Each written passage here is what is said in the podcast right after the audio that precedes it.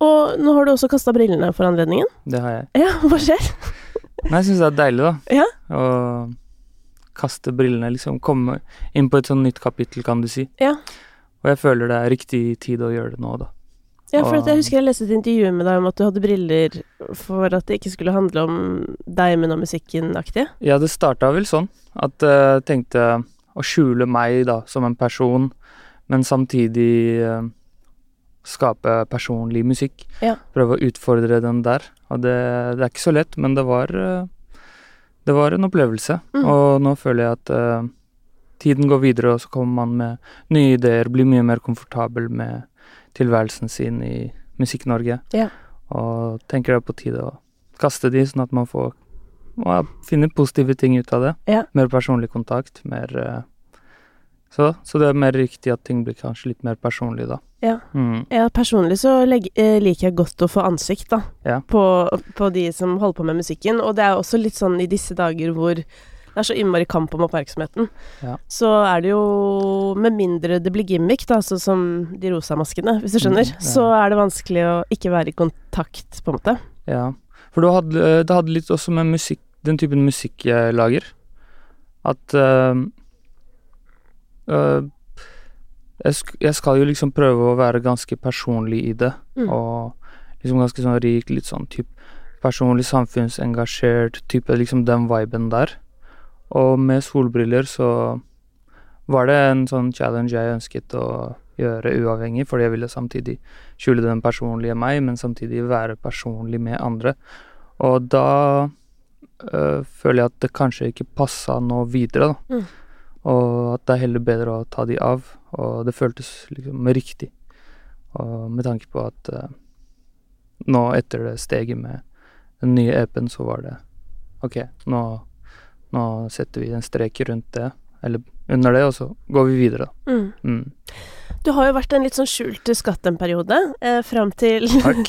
Skjult skatt. Ja, før du plutselig poppa opp eh, med Norges største band Mm. på låta Merijan, som mange har hørt. Og til de som ikke kjenner til deg, så kommer det da et helt nydelig vers uti den låta der. Ja, men alle syns det er nydelig. Ja, Alle, når den sangen kommer på konsert, så er det sånn Mm. Det er jo noe av det gøyeste å synge med på på hele showet. altså, sykt. Og det er verset ditt. Ja, takk, takk. Det varmer utrolig mye. Ja, jeg husker jeg hørte på det også når du ga meg den shout-outen. Ja. Og det var eh, Det var eh, et høydepunkt, da. Det Men- varmet veldig. Så hyggelig, men det Mm. må jo være digg for deg òg, for mange har jo, og spesielt liksom i Blant folk som driver med og liker rapp og liksom R&B-musikk, har jo alltid på en måte omtalt deg som en folk burde høre på, holdt Mm. på å si. Men det må være deilig for deg når du på en måte får sjansen til å vise deg til mange, Ja, ja. og treffe med verset. Absolutt. Altså både sjansen til å vise seg for mange, og så være med på en låt med Karpe.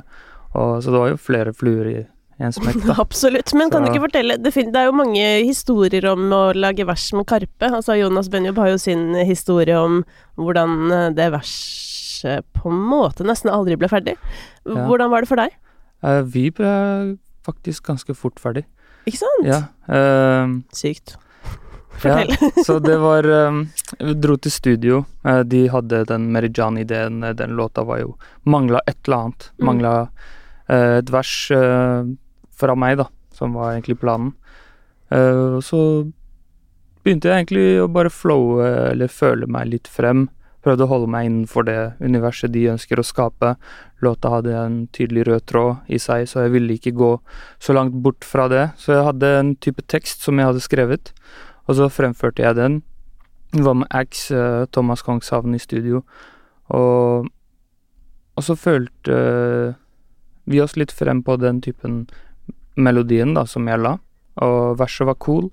Og så kom Chirag eksempel med sånn input, eh, liksom sånn grammatisk, uh, gjør det litt mer korrekt. eh, så si liksom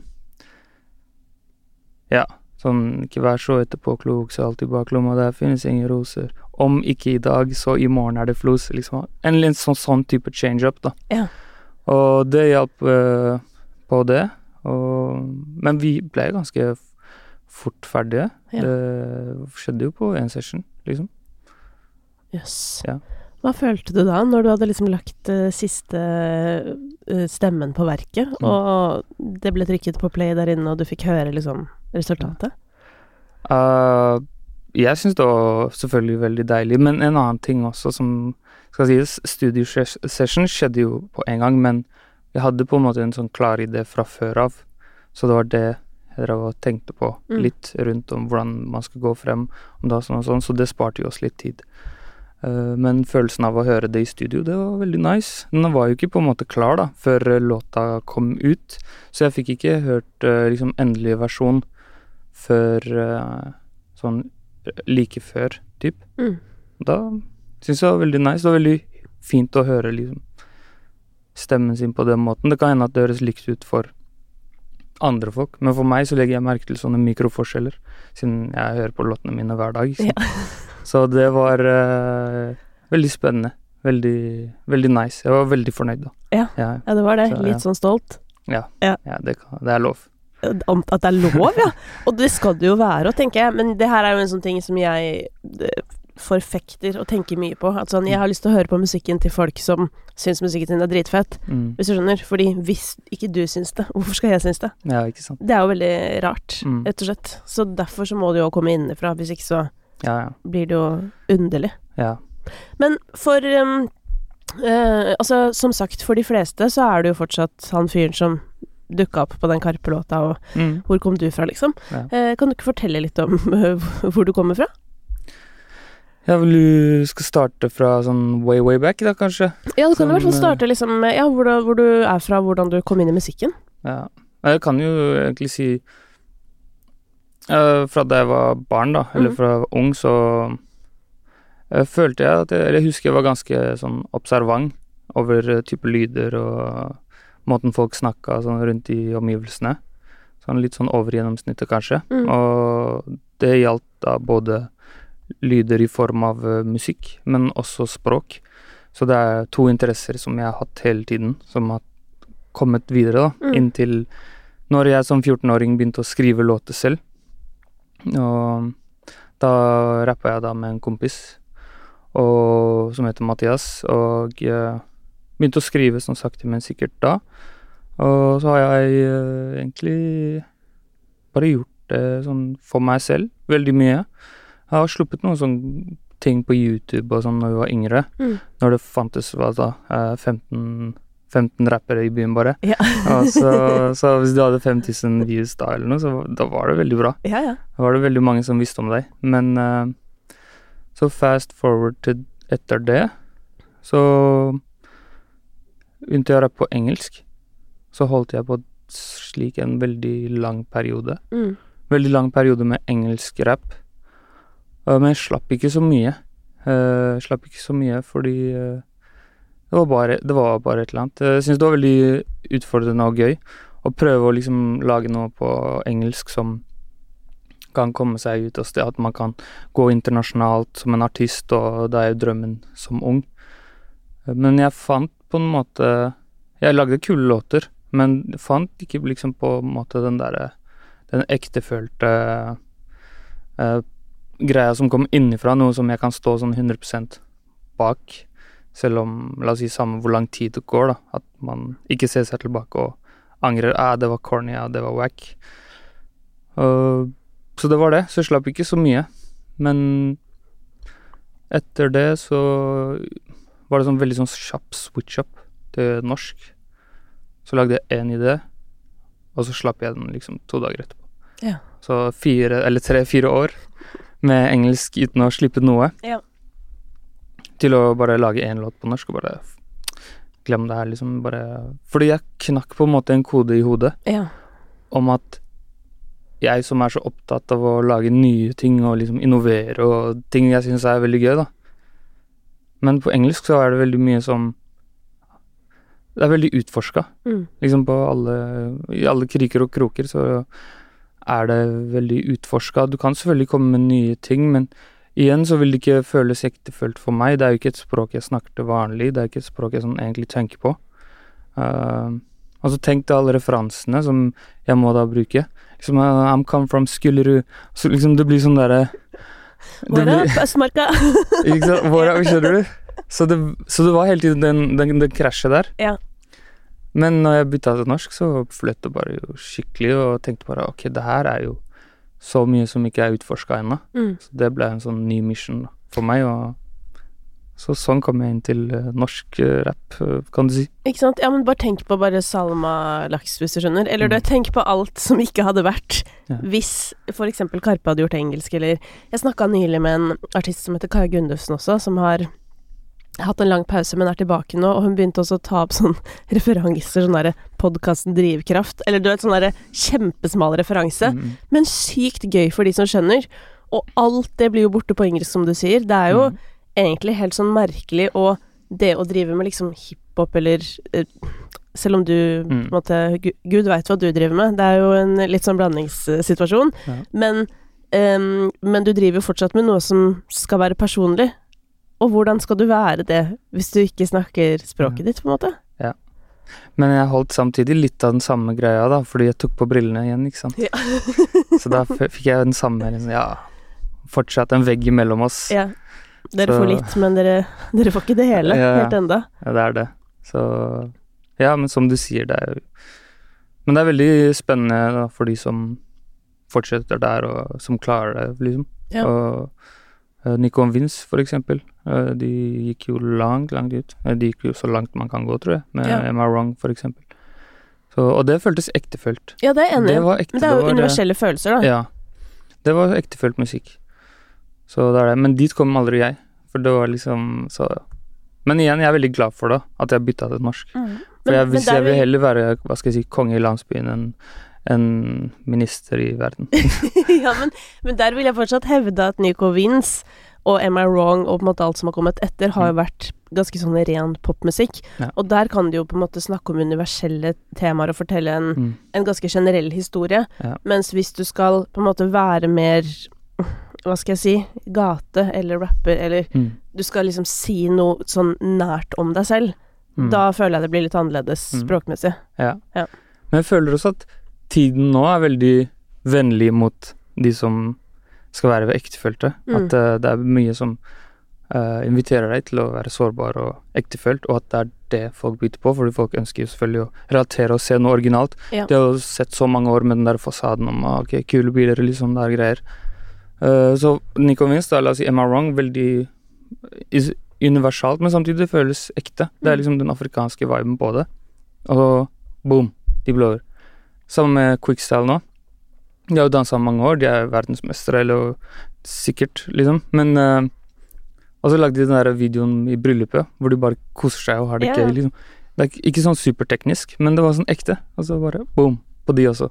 Det sa jeg til de faktisk møtt, en gang jeg møtte dem for en god stund siden. At Mm. sånn der, Jeg har jo fulgt med på de i alle herrens år, føler jeg. Og det er bare så fascinerende å se at sånn Dere har på en måte rensa bort alt eh, fiks, fakseriet, på en måte. Mm. Eh, Minus eh, klærne, da, for de har jo begynt med litt sånn kostyme veldig, på en veldig systematisk måte, ser det ut som. Og det funker jo veldig bra. Men selve dansingen, den, er, den ser liksom dritlett ut. Ja. Men det er jo derfor det på en måte funker. For det er sånn Ja. det er følelsen av at jeg kan bli med, og det er bare den syke energien, ikke sant. Mm. Og det er jo det at hvis det er veldig komplisert og du vet små detaljer, så er det sånn Ja. energien blir borte. ja, ja, helt riktig. Så Jeg føler kanskje det er litt samme musikk. Ja, det det for- kan være det, da, med mindre man gjør komplisert med en veldig letthet. Ja, nei, for jeg husker før så var jeg veldig imponert over liksom The fastest rapper. Liksom, Ja. Han her rapper det kjappeste, liksom. Twista, eh, var det ikke han som var så kjapp? Jo, Twista for eksempel. Da var jeg veldig sånn der Oh, fastest rapper. Liksom best of the, of the dome freestyler. Liksom at Mm. det er en sånn veldig sånn spesifikk ting som er veldig god i, da. Ja. Men det er veldig vanskelig for folk å hoppe på. Det er interessant, Mm. kult, men det er ikke noe som du kan være med på, ikke sant? Nei, men det er, jo, det er jo som jeg pleier å si, da, det blir sånn Som sport er det veldig imponerende, Det er det. men sånn emosjonelt så er det litt whatever, på en måte. Ja, ja. Ja. Og sånn er det jo innafor mange ting. Sånn Mm, mm. Det kan være folk som er sykt flinke teknisk til å synge eller sånn, og, men hvis du ikke har med det emosjonelle, så blir det jo bare at sånn Du er kjempegod i denne idretten. Mm. Eh, konge for deg, Ja. men jeg hører på den som treffer meg ja. emosjonelt, da. Ja. Det tenkte jeg lang tid for å skjønne. Ja, du gjorde det? Ja. Ja, ikke sant? Ja, ikke sånn for å skjønne objektivt, men sånn prøve å implementere det personlig, da. Ja, ikke sant? For det er veldig sånn Nei, det er sport, det er liksom handler om å være best, det handler om å være kjappest, eller whatever, da. Ja, ja. Så Var du kjapp, da? Nei, men jeg hadde en periode hvor jeg lekte kjapp. Så bare svelgte jeg hva da alle ordene i midten, og så sa jeg første og siste ord, så da hørtes det kjapt ut, kanskje. Ikke sant? Ja. Men det her er periode beatboxa, liksom da prøvde jeg å Du beatboxa? Ja, jeg har vært gjennom mye. Ikke Ja, sant? ja. Ja, men jeg prøv, har prøvd å fortelle til folk som kommer opp nå, bare sånn der Ja, nei, før Mm -mm.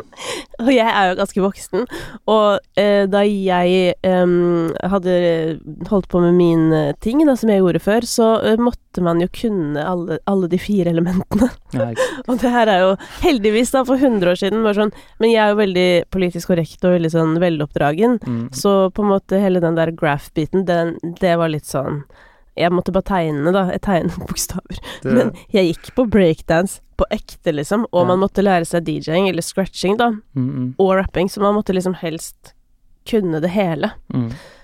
Det var jo veldig slitsomt, Ja. Men da, da var du liksom Da hadde du pakka. Hvis du kunne liksom de fire elementene. Ja, Earth, men jeg var wind, også, fire jeg var også og, ja. kvinne, da, så det ble jo aldri bra nok på den tiden. Men, okay. ja, men det er jo annerledes nå, heldigvis, da. mm.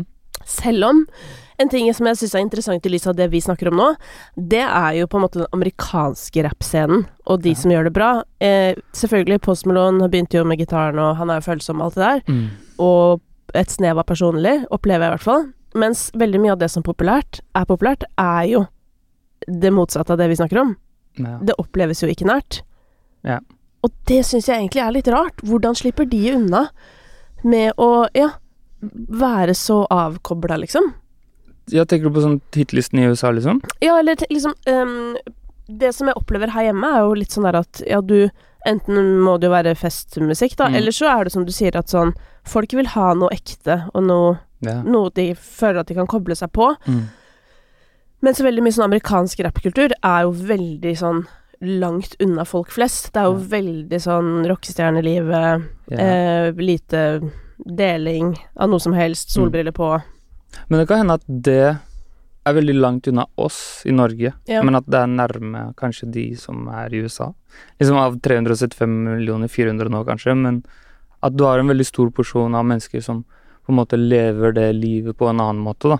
Og at det er på en måte et av drømmene til folk. Du har liksom I wanna be a NBA player, og så har du I wanna be a rapper, og så har du liksom litt av det, de greiene der. Mm. Så, og så har vi kanskje som en tradisjon å Liksom ikke bare oss i Norge, men veldig mange, eller alle land, Altså bare liksom Det som er populært i USA, er det man kanskje håper på også. Mm. Men at den endringen har begynt å skje, for nå ser jeg at folk strekker seg litt sånn unna. Jeg føler amerikansk musikk har blitt sånn mindre Det har gått ned, liksom, føler jeg, da. Ja.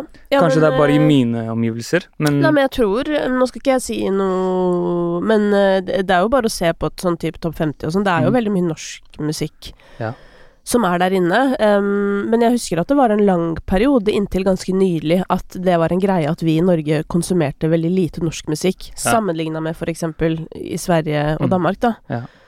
Men det er jo i ferd med å endre seg. Men sånn i Norge, da, er det noen du liksom eh, blir inspirert av hvordan de jobber?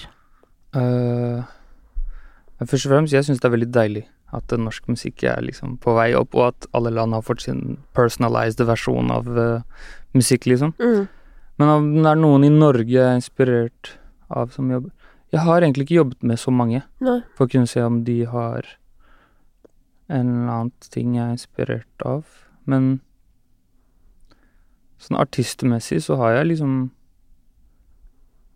hatt øh, Karpe da, som Mm. inspirasjon. Da jeg var kid, så hørte vi på dem og da, Drep meg for fargen min og skap en Benjamin til. Du vet de greiene der. Ja. Uh, så det drev vi og sang på veldig mye når vi var yngre. Men du er fra Skullerud. Jeg er fra Skullerud. Hvordan, eh, hvordan opplevde du å vokse opp der, da?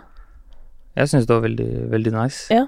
Du hadde det var, Du hadde på en måte alt. Du ville ha veldig fint sted for sommeraktiviteter. Så Mm. hver sommer så var det veldig mye minner som kunne bli skapt. Vi hadde Skraperudtjern og Nøklevann rett ved skolen. Mm. Ungdomsskolen der jeg gikk, og så ellers så De fleste minnene jeg har, er jo på en måte derfra, da. Ja. Så Så det er det som var første hjem. Jeg har masse Mm. minner fra Nøklevann sjøl, jeg. Du har det? Ja, de er litt nyere, da. Ja, Jeg ble veldig sånn turentusiast for en del år siden. riktig. Ja, så innimellom når jeg har liksom Jeg sover mye ute, og da Mm. er det veldig kort dit. Så hvis Ja. jeg liksom må på jobb dagen etter eller noe, så er det enkel løsning. Ja, Ja. så du sover på Nøklevann, og så kommer du på jobb dagen etter? Ja, for eksempel. Det er nice, da. Men nå har jeg bil, så nå hender det at jeg kjører litt lenger, da. Ja. Ja, for at jeg, jeg liker å være litt lenger unna folk enn Nøkkelvann. Da. Dette er jo veldig Oslo-internt, selvfølgelig, men det er da et vann som ligger veldig kort å gå fra en parkeringsplass. Ja. Eh, veldig, det er jo veldig fint der, da. Ja, ja. Det er Østmarka, altså min, det er min favorittmark Det er i det? Oslo. Ja, Yes. det er det. Den, den, men den er, jeg vil hevde, og jeg kan gå i diskusjon om dette, at den er mest spesiell, liksom. Det er mer spesiell enn de andre. Ja. Driver ikke du fisker, da? Jo, driver og fisker en del, men helt siden jeg nevnte det i intervjuet, så har det bare gått gradvis litt nedover. Men Det er litt sånn som meg. Jeg, har hele, jeg bader dritmye, egentlig. Og nå Ja. har jeg flytta, nå bor jeg rett ved vannet, og jeg har ikke bada i det Ja. vannet i hele sommer. Mm, mm. mm. Men faktisk, i, i år så har vi fiska en del. Ja, Eh, har ikke fått så mye, nei, men han ene som jeg alltid går, går med, ja. han får hele tiden. Han Vi har hatt en sånn tørkeperiode på to-tre år ja. hvor vi har fått veldig lite fisk. Og så Men i år så Jeg vet ikke helt hva han gjorde, men hver gang han drar, så henter han mye fisk. Jøss, men hvor fisker dere, da? Jeg har vært på Drøbak, vært øh, øh, Bjørvika der. Ja. Så vært litt sånn byg, Bygdøy, det området der. Mm. Du nevnte i begynnelsen at du på en måte Ikke sant, du er av med solbrillene, du har lyst til å bli mer eh, personlig og Ja, det, bare, det bare føles riktig. Det er et nytt kapittel. Ja, men hva, hva ligger i det nye kapitlet? Det som øh, ligger i det nye kapitlet, Ja. det er en mer Litt mer straightforward uh, uh, approach. Hvor jeg byr liksom mer på meg selv, da. Mm. Viser meg mer som et menneske. Mye mer komfortabel foran kamera, foran skjermene. Så ja. Det er egentlig det det er. Men i musikken, da? Jeg vil jo alltid se på som om jeg Jeg ser på at jeg alltid har vært personlig i musikken. Til en grad. Ja. Men jeg føler at vi nærmer oss al Altså, vi er i en utvikling. Mm. Vi er i en utvikling hvor vi Hvor vi gjør det selvfølgelig mer og mer personlig, men også at det, musikken blir bedre, bare. Uh, så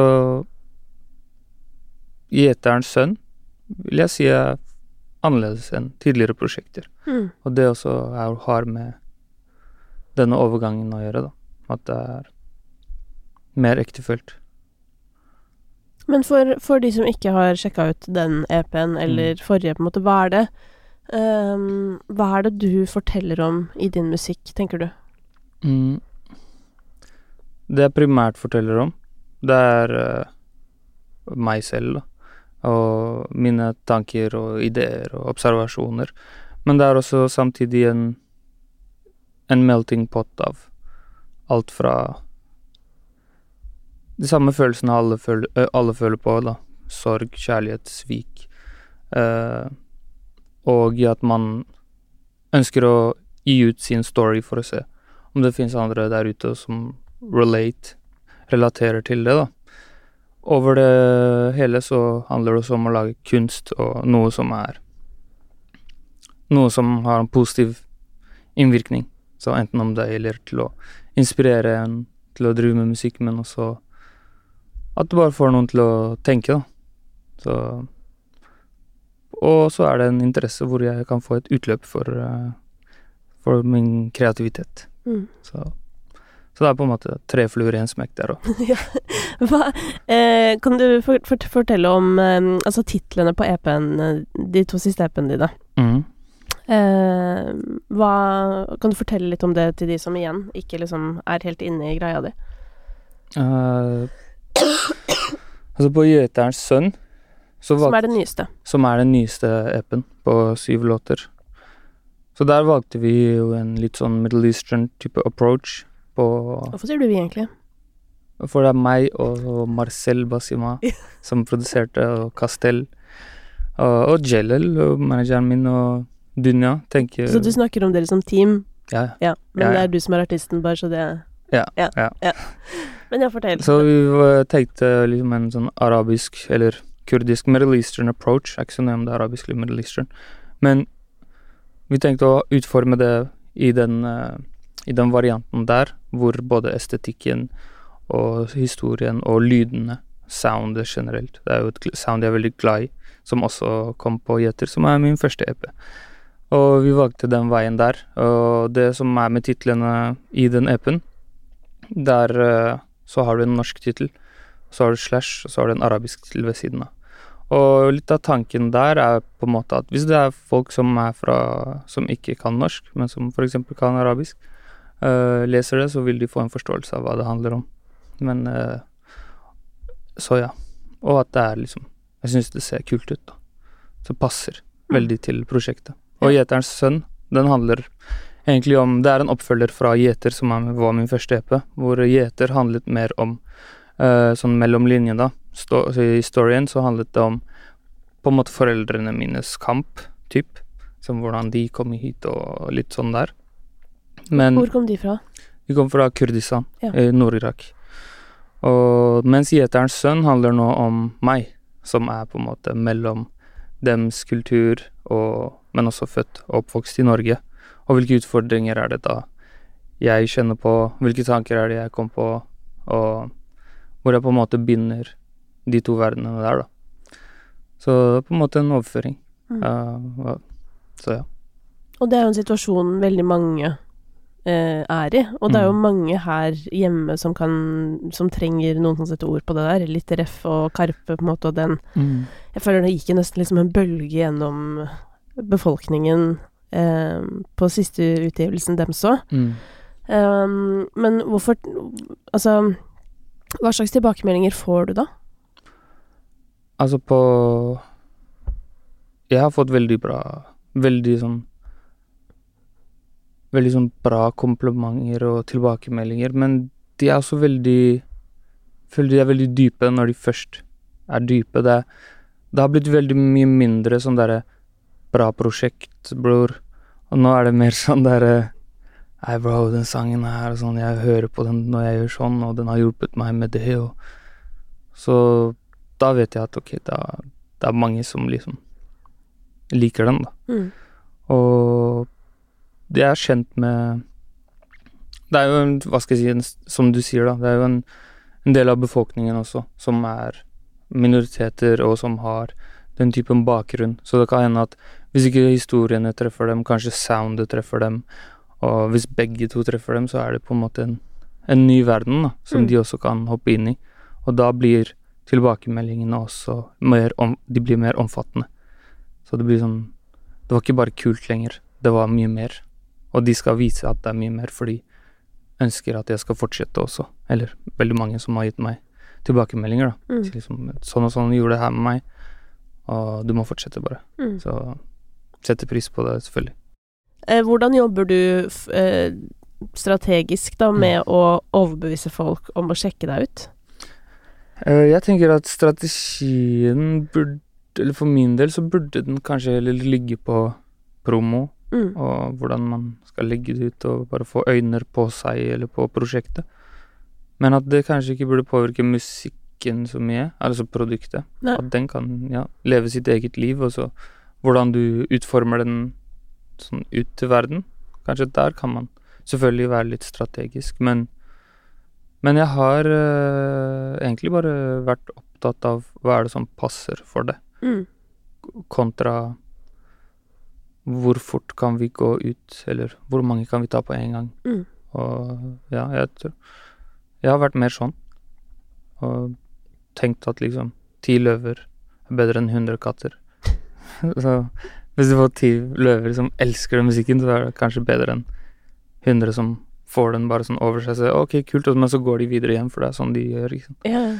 Så Men det er gøy at du sier det, for jeg hadde nettopp Kaizers på besøk, som jo er Mm. sånn ganske legendarisk eh, norske band som nettopp har solgt 80 000 billetter til sin eh, høstturné. Det er jo litt sånn Karpe-tilstander. Eh, Riktignok kanskje med et litt annet publikum, men samtidig tipper og litt mange av de samme, faktisk.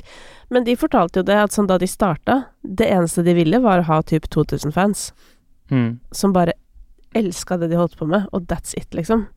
Men så kom det jo litt flere ramlende ned, da. Men ehm, Men eh, ja, jeg, jeg kan på en måte skjønne den der. Man vil heller ha Det er jo litt sånn med podkast òg. Du kan Mm. jo være på radio for mange flere, Mm. men du er i bakgrunnen. Eller skjønner du? Det er sånn Det er der borte, mens på en måte eh, Du kan lage podkast for x antall tusen eller mange eller få, Mm. som sitter og faktisk hører på. Ja. Hele praten. Det er jo Mm. helt sinnssykt. Det er jo helt merkelig å tenke på. Så mm, ja, så der eh, Det backer jeg. Ja. Men hvordan er du med sånn internett og TikTok og alt det kjøret som kan hjelpe?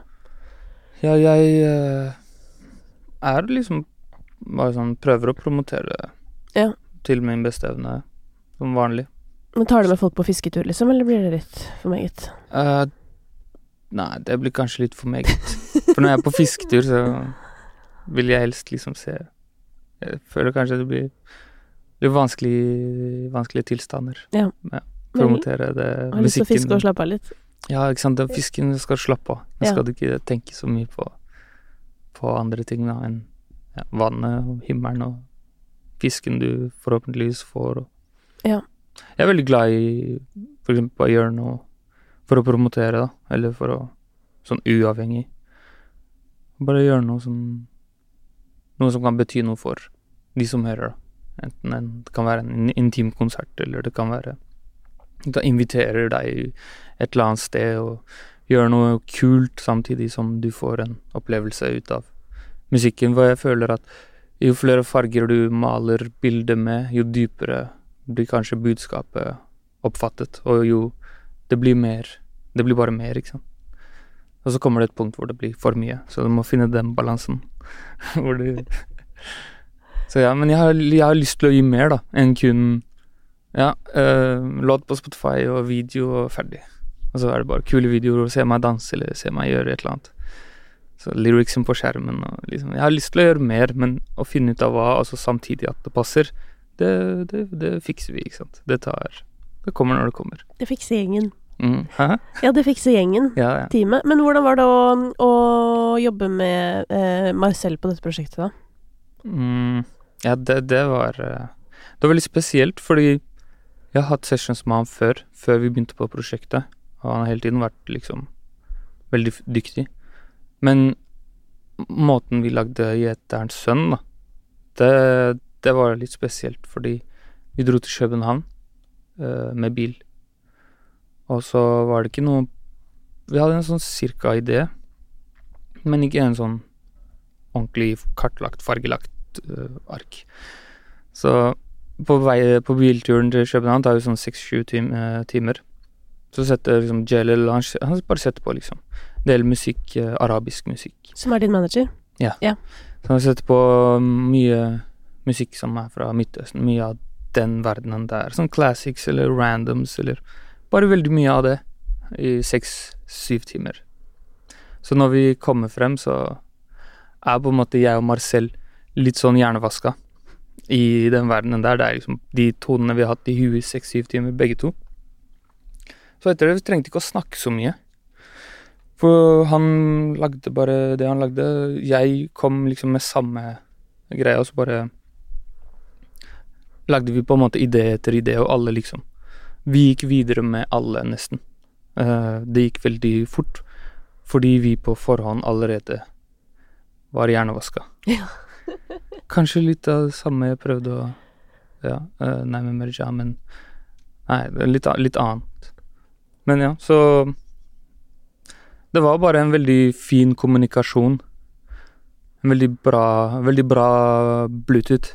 Ja, Uten at, jeg skulle til å si en sånn nonverbal Ja, eh, kommunikasjon. Yeah. ja. Dere bare var aligned når dere satte i gang. ja, ja. ja. Veldig aligned. Noen ganger så selvfølgelig vi koser oss, snakker og har det gøy, men det var ikke noe Vi forsto hverandre veldig mye Mm. uten å si noe særlig. Bare.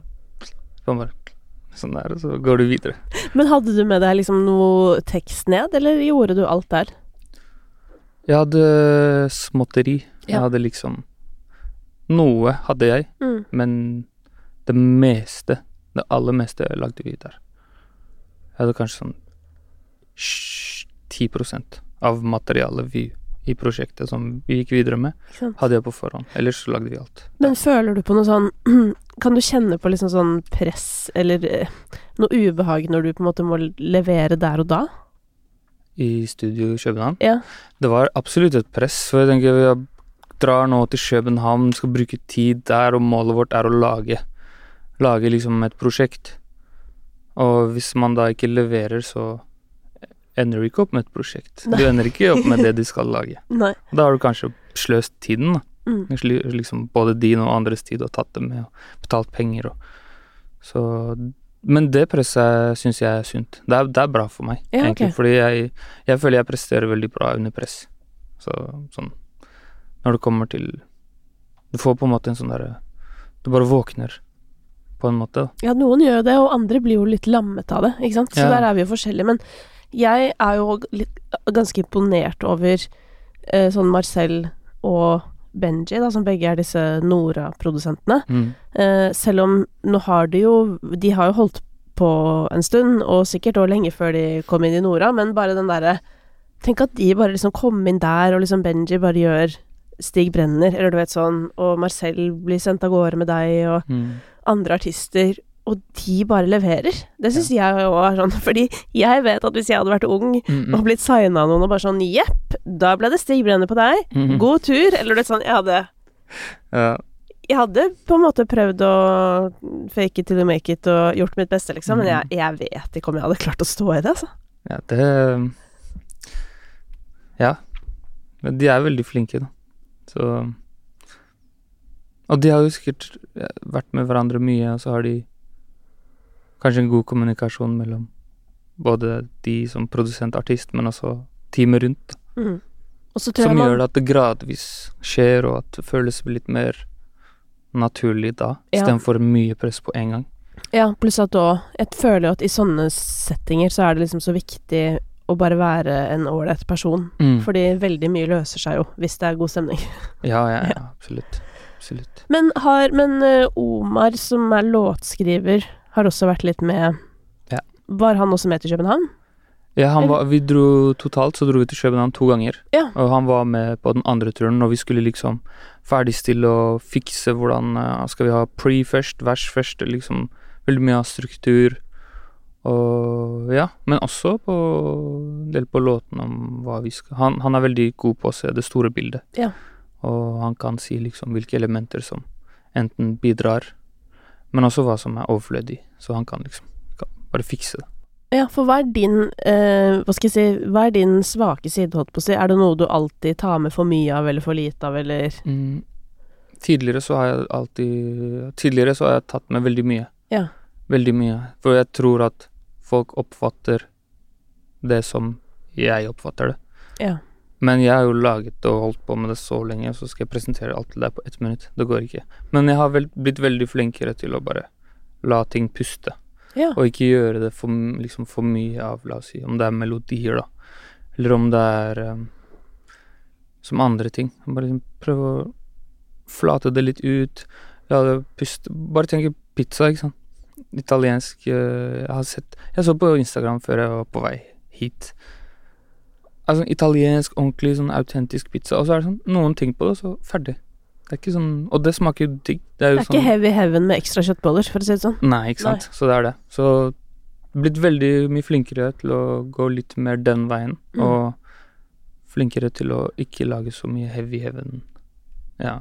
At, selv om det er godt for meg, da, men når jeg skal Det er veldig gøy at du tar opp dette, for dette her er jo også en sånn ting som jeg nøler veldig hardt på Ja. eh, når det kommer til musikk. Det er at jeg takler ikke folk som skal fylle ut alle høla i musikken. Ja. Altså, skjønner du? At sånn der, at man føler at noe må bli sagt hele tiden, og Oi, Mm. der var det en taktpause. Og da må vi si noe der og yeah. Stop it. Yeah, yeah. Eller du vet eh, Men jeg føler at folk er ganske flinke til det i, i innspilte versjoner. Mm. Men live, da er det mange som sliter med å holde tilbake. Ja. Spesielt eh, synging, ikke sant? Fordi folk synger og synger og synger, og det er opp og det er ned. ja. Og så er det sånn For at nå skal det altså synges. Mm. Nå skal jeg vise hva jeg kan. Og så er det litt sånn Å nei! Nå blir på en måte litt sånn hva du kan, borte. Fordi jeg, jeg rekker ikke å tenke over Skjønner du? 100% Det blir som at noen skal gi meg, du vet sånn eh, 70 visdomsord på rad, Mm. da, da får jeg jo ikke inn noen. Gi meg ett Ja. pause, sånn at jeg kan tenke over det. 100% som, som det bordet her. Hvis jeg hadde lagt en fin vase her, Ja, du hadde sett den. Du hadde lagt merke til den. Men hvis du hadde lagt sånn 40 vaser rundt Ja, omkring, du hadde kanskje ikke sett noen. Nei, du det. hadde blitt, liksom blitt forvirra. Ja. Så Og her tror jeg veldig mange har mye å hente mm, når det kommer til musikk. Fordi pauser er magisk. mm. 100 Det er tiden hvor du prosesserer det som nettopp har blitt gjort. Altså når du har prosessert det, så kommer det noe nytt. Og da kan du gjøre det. igjen og igjen til du får hele pakka. Dette er foredraget ditt. Dette er Main sitt foredrag. Eh, etter hvert, da, når, det, når tiden tillater det, så skal du holde dette foredraget. Og vet du hva? Faktisk lag, Hvis du hadde lagd et litt sånn foredrag Du burde holdt det for, for folk, liksom. På TED Talks. Ja! Mm. Let it breathe. Wow. Og det kan bli en sånn sykt bra meta-TED-talk òg, fordi denne tematikken Nå snakker jo vi om det i musikken, da, Mm. hvor jeg er mest opptatt av det. Altså, jeg kan bli helt Men du skjønner ikke. Jeg har Mm. to ting jeg ikke takler. Det er eh, dårlig rytmikk Ja. og mangel på pauser. Ja. Det går ikke. ja. Ja. Men, det, passer, men det, det er veldig overførbart til alle felt i livet. ja. Ja. Det, det er sant. Fy fader, jeg kommer på første rad. Ja, denne TED-talken. Åh, jeg skal ta med alle jeg kjenner. Ja, ja, ja. Nei, det blir spennende. Det Jeg må lære meg det selv ut, for jeg prater jo ett sett. mm. Så det Ja, jeg har litt å, å gå på. Mm, mm, mm. Absolutt. Mm. Men jeg øver. Ja, det er bra. Øver på pause. Fader, kanskje jeg skal klippe den podkasten her og legge ut pause Mm. Men det med pauser og ikke ha pauser og Ja, kanskje ikke rytmikk, men det å ikke ha pauser, det kan være et tegn på noe mer enn det at man bare vil fylle i arket. Det, er, det kan være liksom tegn på usikkerhet. Skjønner du? At jeg føler meg truffet? Absolutt. Ja. Jeg føler meg truffet. Tingen er at jeg fikk, jeg fikk jo panikkangst for noen år siden, Mm. og i den verste perioden Jeg takla ikke at andre snakka. Fordi da hadde ikke jeg kontrollen. Mm. Og jeg satt og jeg bare åh, begynte å Altså, jeg ble helt sånn skjelven. Og nå i ettertid, når jeg takler at andre snakker, så har jeg begynt å tenke på det sånn nå. Hvis noen er veldig opptatt av å fylle ut setningene mine, eller Så er det sånn Ikke sant, nå er du stressa. Ja, Eller nå er det noe det ubalanse her. Jeg la merke til at uh, kanskje vi ble veldig mye roligere etter vi begynte å komme inn på akkurat det. På Det pausene. ble bare sånn hm, Har jeg snakket for mye nå? Pause. Ja, men, det, men jeg elsker jo å snakke mye, så Ja. det må jeg også si, for jeg har tenkt på mange ganger sånn der at uh, Det hender jo eksempel at folk skal kommentere på, eh, på denne podkasten. Der faen, hun snakker så mye. Mm. Så er det sånn Ja, det er derfor jeg lager podkast. det er fordi eh, før, da jeg jobbet på radio, Mm. da var det jo tre minutter per såkalte stikk, da. Som er på en måte praten mellom sangene. Mm. Og det kunne bare være tre minutter. Og da var gjerne gjesten, da, hvis du hadde vært gjest hos meg, så var du der kanskje i tre ganger tre minutter. Ja. Og rett før du da mest sannsynlig skal gå, da begynner du kanskje å føle på sånn Å, nå går det bra. Mm. Nå, nå er vi der, liksom. Og da er det ha det. Ja.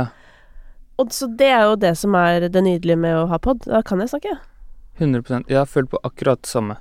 For jeg har vært på, la oss si, et eller annet intervju og, og litt sånn forskjellig sånn vloggaktig intervju, da. Man Mhm. skal liksom følge deg rundt. Uh, og jeg merka at første halvtimen så snakker man bare sånn Man snakker, men det er på en måte ikke en sånn flyt Mm. i samtalen. Og så er man kanskje litt sånn litt mer anspent. Men altså etter det, når med en gang kameraet er av, så tar du den første pausen. Ja.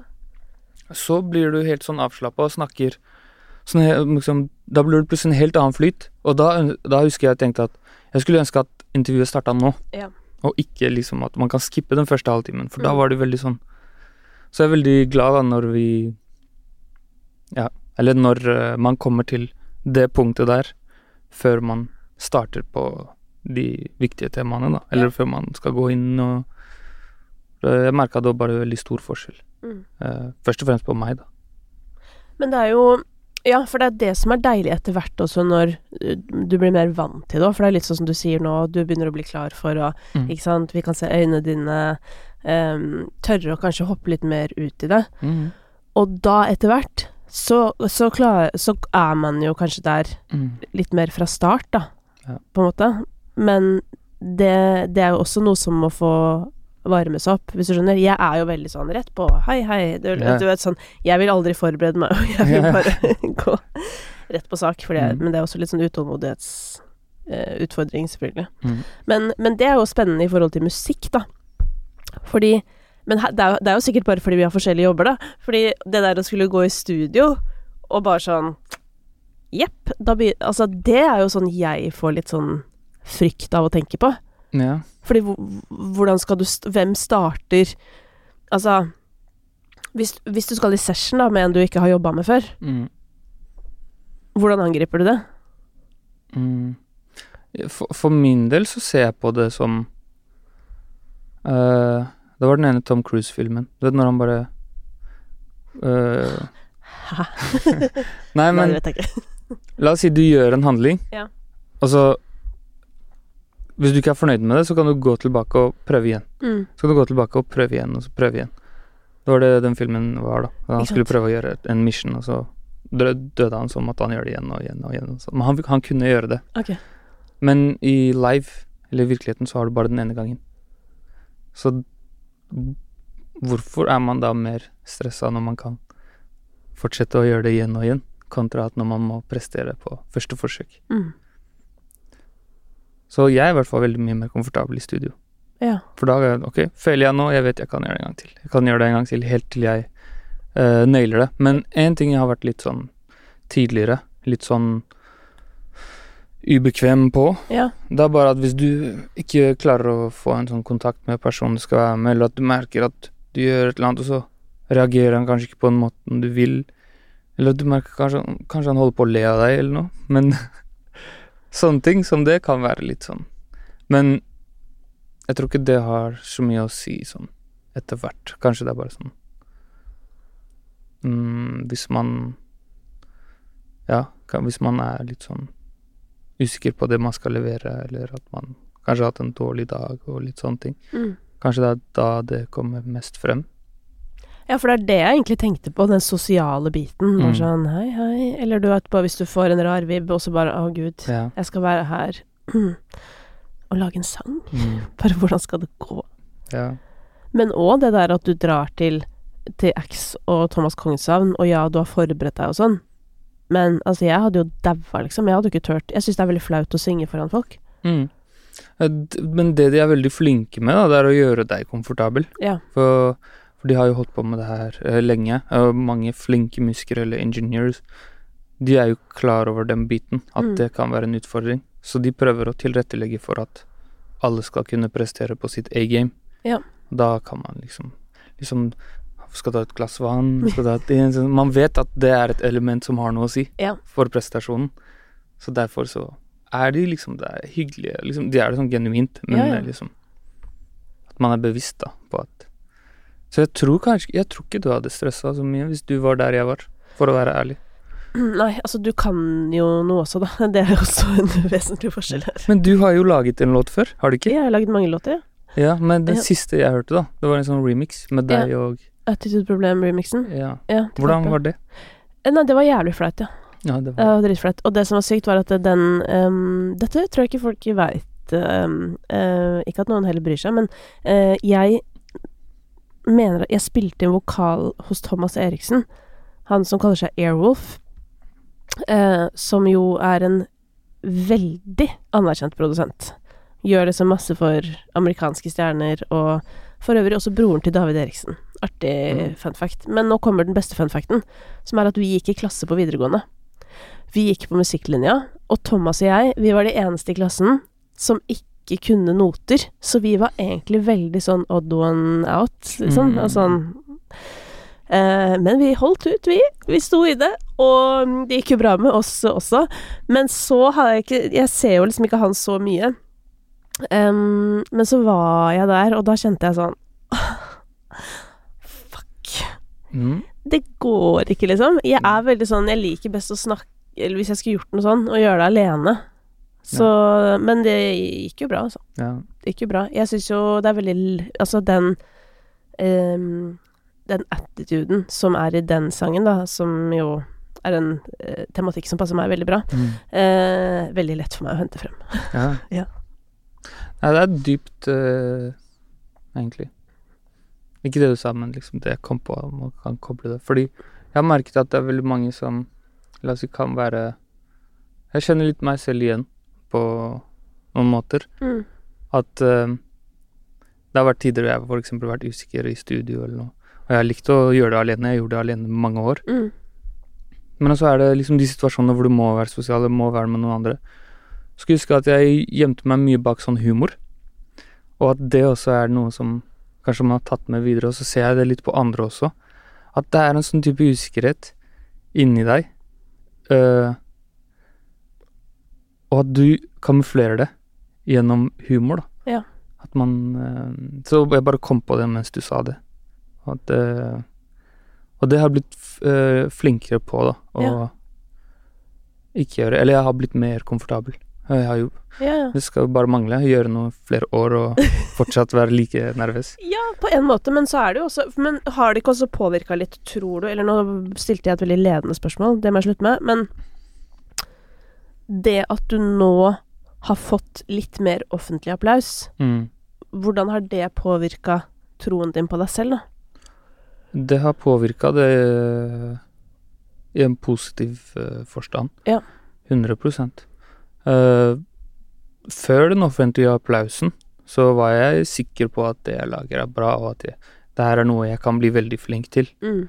Fordi jeg på en måte følte at hodet mitt var wired på den måten. Ja. At liksom, å, den melodien var kul, den melodien, jeg kunne catche ting sånn, sånn som det. Men etter den offentlige applausen, så Det var eh, Fikk kanskje ikke Eller fikk kanskje litt sånn mer, mer selvtillit, selvfølgelig, men, men også mer glede over at det var noen som kanskje så det jeg så, eller forstår det nå. For det er jo litt det spesielle med det soundet, ikke sant. At det var veldig sånn der Jeg håper folk forstår det. Jeg håper at det ikke er for sært. Og Men med den offentlige applausen så gir det meg en sånn, en sånn varme på at yes, det er liksom Det er ikke for sært. Det er bra. Så ja. Ja, positivt. Mm. Ja, fordi det er jo heller ikke så farlig om ting er for sært, men det er jo liksom litt digg at noen skjønner det, Mm. sånn med tanke på å få muligheten til å ja, få en plattform hvor du faktisk kan få sagt det som Mm. også er viktig for deg å si, da. Ja. Så jo flere som hører, jo bedre. Ja, ja. Jo flere, jo bedre. Men hva er, eh, hva er gameplan eh, videre? Mm. Hvor lenge er det siden København nå? København var mai. Ja, ikke sant. Ja, altså ikke så lenge siden. April-mai, ja. Ja, for hvordan er det, tar du da pause, liksom sånn, nå gjør jeg ikke noe, eller er du liksom alltid litt i gang? Mm. Jeg ønsker jo å være liksom Alltid ha én fot i studio. Mm. At det ikke skal gå for lang tid til neste gang. For jeg merker at det er et eller annet med den eh, varmen man har, da. At man føler seg varmet opp. Ikke man er litt sånn Det med sessions, jeg føler at når vi har, la oss si, tre sessions på rad, så føler jeg at det er en endring som skjer på min tredje session. Et eller annet med stemmen og kontrollen over hvor du er i mikken og litt sånn. Så jeg prøver å holde meg aktiv. Uh, men også er det Men også har ting også blitt en del sånn prosjektbasert i det siste. At man kanskje ikke det nødvendigvis drar så mye, med mindre man har et mål for session. Før så var det jeg dro dit for å spise. Gjorde ikke musikk engang. Men uh, jeg prøver å alltid ha liksom fot inn og ut, og så Var, var det spørsmålet ditt? Ja, på Tja, altså ser, planene- du, ser du for deg ditt neste prosjekt allerede, eller er det uh, ja, delvis. Jeg ønsker å lage et album uh, uh, en eller annen gang, ikke så lenge, håper jeg. Jeg har også lyst til å lage andre Mye annet. Um, hva som kommer først og etter, det vet jeg ikke. Men jeg har allerede liksom slike planer, da. Og planen, eller sånn, overordnet, er bare Det jeg ønsker, er å liksom innovere. Liksom lage bare nye ting, og liksom ting som jeg syns er bra. Og som en ting som også kan liksom påvirke, diktere Hva da? Videre generasjoner, kan, litt sånn der. Men også få norsk musikk til å bare høres kult ut i internasjonale øyne. Jeg vet ikke om du har lagt merke Eller du har 100 det. Men vi kan høre på fransk musikk i Norge nå. Mm. Vi kan høre på nederlandsk musikk. Vi kan høre på det. Vi forstår ikke hva de sier, men vi kan høre på det. Vi syns det er kult. Det høres kult ut. Men syns franskmenn at det vi lager, er kult? Mest sannsynlig ikke. Hvorfor det? Hva er den glitchen der som vi kan åpne? Det syns jeg er veldig interessant, så det, det har jeg lyst til liksom Ja, ikke liksom har lyst til å gjøre noe med det, da. Mm. At de også kan høre det. Og, det. og det føler jeg er nærmere vei til når jeg lager det soundet jeg gjør. Så Middle Eastern influenced uh, fordi der også er det samme folk. Som er, liksom er andre generasjon, tredje generasjon innvandrere fra samme områdene i Asia og Midtøsten. Så koblingen kan skje der. Koblingen kan skje på andre måter. Uh, så ja, det, det, er i hvert fall sånne ting jeg syns er veldig interessant å gjøre. Å ha som et sånn overordnet mål. Men det viktigste er at i en NRD er å liksom ha det gøy. Ja. Ha det gøy med det man lager, og ikke bli liksom for oppe. Og man må jo få glede av det, ikke sant. Så ja, Dette er jo helt nydelig å høre, da. Tenk Mm. hvis du blir den som knekker koden. ja. Eller være med på Være med i prosessen, få noen andre til å knekke koden. Eller det. Mm. Ja, for det, det, det er som du sier, det er liksom noe med det. Jeg har tenkt mye på det. Bare så er det fordi norsk er litt sånn for Eller du vet sånn derre Veldig mange andre eller språk Det føles i hvert fall som det har bare en annen Jeg vet ikke om flyt er riktig ordet, men Mm. det, jeg leser det annerledes. Eller hør, hører det Mm. annerledes i ørene. Ja. Samtidig så Ja, så er det jo Det er jo mange som òg er flinke til det, det er det. Så det må jo også bli oppdaget, ikke sant. Mm. For det skal jo også sies at sånn Veldig mange av de landene du nevner, har veldig mye større befolkning, som igjen Veldig Ja. mange flere til å, eh, til å spre ordet, ikke sant. 100% Og så er de veldig nærmere um, Hva skal vi si sentrum, da. ja. Altså eh, Det er mange land som la oss si strekker seg etter Frankrike. Det er ikke bare Frankrike. Nei. Det er um, alle andre land som snakker fransk. Eh, Tyskland er på en måte i midten av Europa, Mm. som mange, mange ser på. Så alle liksom ser en retning, på en måte. Og Ja. hvis du tenker liksom utenfor musikk også, så la oss si en handelsrute, da, Mm. så er liksom Norge eh, på toppen. Eh, liksom det, er, det er flere La oss si varer, da. Flere ting som skal gå gjennom andre land før de kommer til Norge. Mm. Og det kan være sånn med musikk, kan være sånn med fashion, kan være sånn med Jeg vet ikke. Men hvis du går ned til Danmark eller Tyskland, de er litt, mer som du har et ord fikk lære for litt siden. De er mer kontinentale. Jeg skulle til å si det. Ja. Så ja. Men eh, Men det gir jo oss også muligheter, ikke sant, ja, ja. vi som artister i Norge, at det er mye som kan gjøres som oppleves som nytt for eh, Norge. Ja. Så spennende tid. Veldig, og masse spennende tanker fra deg. Herregud, gleder meg til å høre hvordan de skal utspille seg gjennom musikken din i, i månedene og årene som kommer. Mm. Og det var skikkelig hyggelig å møte deg.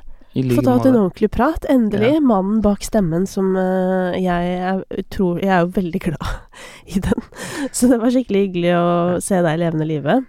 Nei, takk for at jeg fikk komme. Ja. Det er absolutt veldig hyggelig, og takk for samtalen. I like måte, takk for at du kom. Og sjekk ut eh, musikken, da, til Ja. Moen. Gjerne, gjør det. Gjeterens sønn. Hey, it's Paige DeSorbo from Giggly Squad. High quality fashion without the price tag. Say hello to Quince. I'm snagging high-end essentials like cozy cashmere sweaters, sleek leather jackets, fine jewelry, and so much more. With Quince being 50 to 80% less than similar brands. And they partner with factories that prioritize safe, ethical, and responsible manufacturing. I love that. Luxury quality within reach. Go to quince.com slash style to get free shipping and 365 day returns on your next order. Quince.com slash style.